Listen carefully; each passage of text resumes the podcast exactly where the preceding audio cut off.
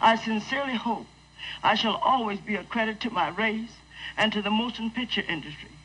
My heart is too full to tell you just how I feel. And may I say thank you and God bless you.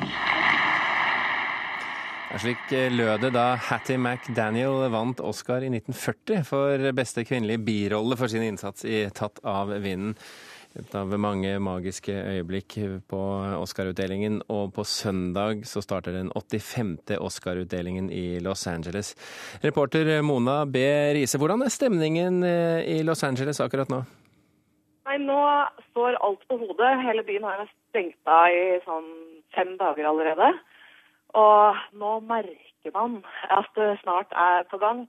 Jeg sitter foran frokost-TV. Alle kanaler dekker Oscar i øyeblikket. Hva er årets snakkisi? Nei, altså det er, det er um, usikkerhet om hvem som vinner i år. Uh, mer tror jeg enn det har vært på lenge. Uh, Lincoln har jo vunnet uh, alt som har vært tidligere, men og også, eller topper nominasjonene. Men Argo har jo vunnet masse. Men nå er det usikkerhet altså, også om, om hvem som vinner beste skuespiller. fordi det har jo liksom vært opplagt at mannen som spiller Lincoln, vinner. Men det har aldri vært en amerikansk president, eh, en skuespiller som har spilt en amerikansk president som har vunnet før. Så, så nå plutselig slår det tvil om den mest sikre så langt. Så nå er det masse spekulasjoner og. Vi har snakket en del her i Norge om hvem det er som får være med på den store festen. Hvem er det egentlig? Det jeg har hørt så langt, er jo da at det er de to regissørene, altså eh, Espen Sandberg og Joakim Rønning, og så er det produsentene. Og også da eh, Pål Sverre Valheim Hagen så langt. Altså, Sel selveste Tor Heyerdahl himself, nesten. Tor Heier.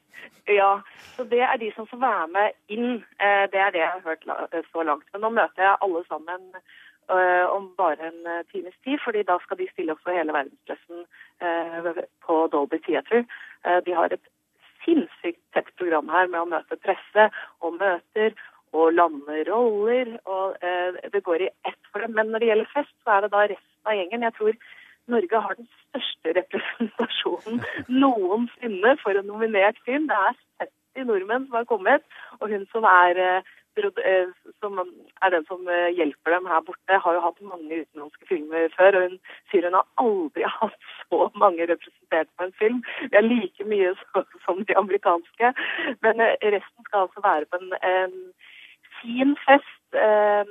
Eh, arrangert av det norske konsulat og flere til på Four Seasons i Beverly Hills, som er det store filmhotellet. Og Der er det ofte folk som ikke kommer inn. Jeg husker For to år siden så var Morgan Freeman der, f.eks. For fordi han ikke var inne i salen, men han var på Four Seasons istedenfor. Så det er et, et fint sted å se, um, å se Oscar-showet uh, mens man kommer da ikke helt inn på selve showet. Men det er uansett julaften og 17. mai på samme dag for deg den eh, kommende helgen. Mona B. Riise, takk for at du kunne være med oss på kort varsel fra Los Angeles. Birger eh, Vestmo, filmanmelder og programleder her i NRK Filmbonanza, skal jo lose oss gjennom denne natten på TV. Hva er det dere er mest opptatt av? Ja, Vi er jo også opptatt av Kon-Tiki, selvfølgelig. Det er jo ikke hvert år vi har en norsk spillefilm med i Oscar-racet.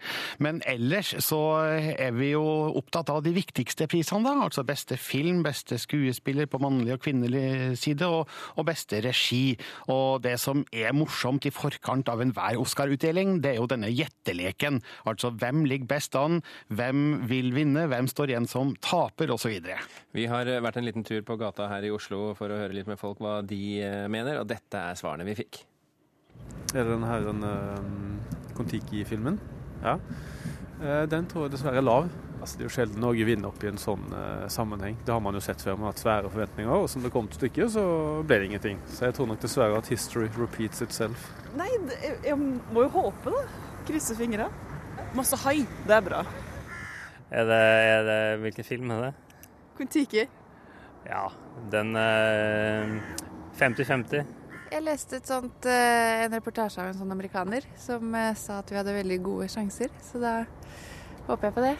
Ja, hvorfor ikke? Kon-Tiki endelig har jo laget en bra norsk film, så jeg tror det er store sjanser. Det har kanskje en liten sjanse, men jeg tror det ikke. Jeg har bare en følelse av det. Vi får vente og se. Store sjanser. Sånn er Norge. Stole på landet sitt. Absolutt. Jeg likte ikke filmen, så Eh, Så jeg vet ikke hvordan det skal gå. Birger Vestmo, du er jo en erfaren filmjournalist. Hvilke forventninger har du? Til Kon-Tiki. Vel, eh, skal man være norsk patriot, så er det jo lov å håpe, og Hollywood er drømmefabrikken. Nei, du skal ikke være norsk patriot, du skal være Birger Vestmo. Ok, Skal man være eh, kynisk, så har vel ikke Kon-Tiki eh, særlig store sjanser. Det er Amor fra Østerrike som er den store favoritten. Har vært det over lengre tid. Har vunnet flere viktige priser fra før. Og jeg sjekka bookmakerne i sted, og også der er Amor en soleklar favoritt. Og det er gjerne en god indikasjon på hvordan det her går, fordi bookmakere dem rangerer filmer etter kyniske kriterier og ser an hvordan filmene er blitt mottatt, hvilke, hvilke, priser man har vunnet før, og hva slags type filmer som pleier å vinne i ulike kategorier. Og eh, her trer Amor frem som en uslåelig vinner. Dette fenomenet Oscar, det er jo mange myter som svirrer rundt denne utdelingen. Hva kommer du til å se mest etter? Ja, altså, Det er jo de store skandalene. Altså, hvem ble robba for en pris? Det har jo skjedd opp gjennom åra flere ganger at eh, de som er forventa som vinnere, ikke går seirende ut. Eh, F.eks. var det i 1999 da at eh, Shakespeare in Love vant Oscar for beste film. Det året alle trodde Steven Spielberg skulle vinne den prisen for Red Many Ryan. Men der hadde jo Hollywood-slugger Harvey Weinstein en hånd med i spillet, for Shakespeare in Love var hans film, og han er kjent som en ekstremt dyktig kampanjemaker for sine Oscar-filmer. Og også i år så knyttes det jo litt spenning da rundt hva han har fått til, fordi han har jo da kjøpt rettighetene til Kon-Tiki, og Weinstein er en, en god mann å ha i ryggen. Uh, Birger Vestmo, jeg vet jo at du snart skal døgne i NRKs tjeneste, så du må gå og få deg litt søvn. Tusen hjertelig takk for at du kunne være med her i Kulturnytt. Vi har med oss en til, nemlig Berit Nesheim, regissør som var på utdelingen da filmen 'Søndagsengler' var nominert. Du, du har jo opplevd dette fra innsiden. Hva husker du best? Oh, ja, jeg husker jo at det var Først var det jo en, en stor opplevelse og ære og glede å bli nominert og bli en av de fem som ble plukket ut i verden. Uh, å være der borte var jo også et kjempesirkus. Uh, og det var merkelig å befinne seg midt oppi det hele, med omgitt av alle disse her uh, myteomspunnede stjernene og uh, profesjonelt sminket og iført designerkjole bevege seg gjennom Hollywood sammen med alle de andre i limousin. Følte du at du hadde kontroll? altså, De var flinke til å få oss til å føle oss velkomne, egentlig. Uh, amerikanerne. Det var jo high bearit, som om vi skulle ha kjent hverandre allerede i mange år fra akademiets ledelse. Mm. Og, og, de hadde også det, en, en, ting jeg husker veldig godt, er uh, noe, en directors lunch hvor de uh, lokale regissører i Hollywood inviterte alle regissørene som var nominert i Amerika og fra verden, til en lunsj. Og, og det, var, det, det, var, et veldig morsomt arrangement.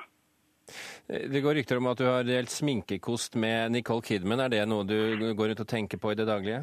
Nei, det, det gjør jeg ikke. Jeg kom på det i dag når dere ringte meg opp. At uh, vår agent der borte hun uh, spurte om jeg skulle sminkes profesjonelt. Og det, det, sa jeg at nei, det skulle jeg nok ikke. Og så sa hun at det syntes hun jeg skulle, så det ble til det. Og da var det en av de hyperprofesjonelle i Hollywood som gjorde det, så hun forandret meg jo en del.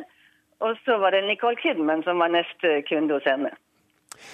Nå var det jo ikke slik at dere vant. Hvor, hvor skuffet var dere egentlig etter showet den gang?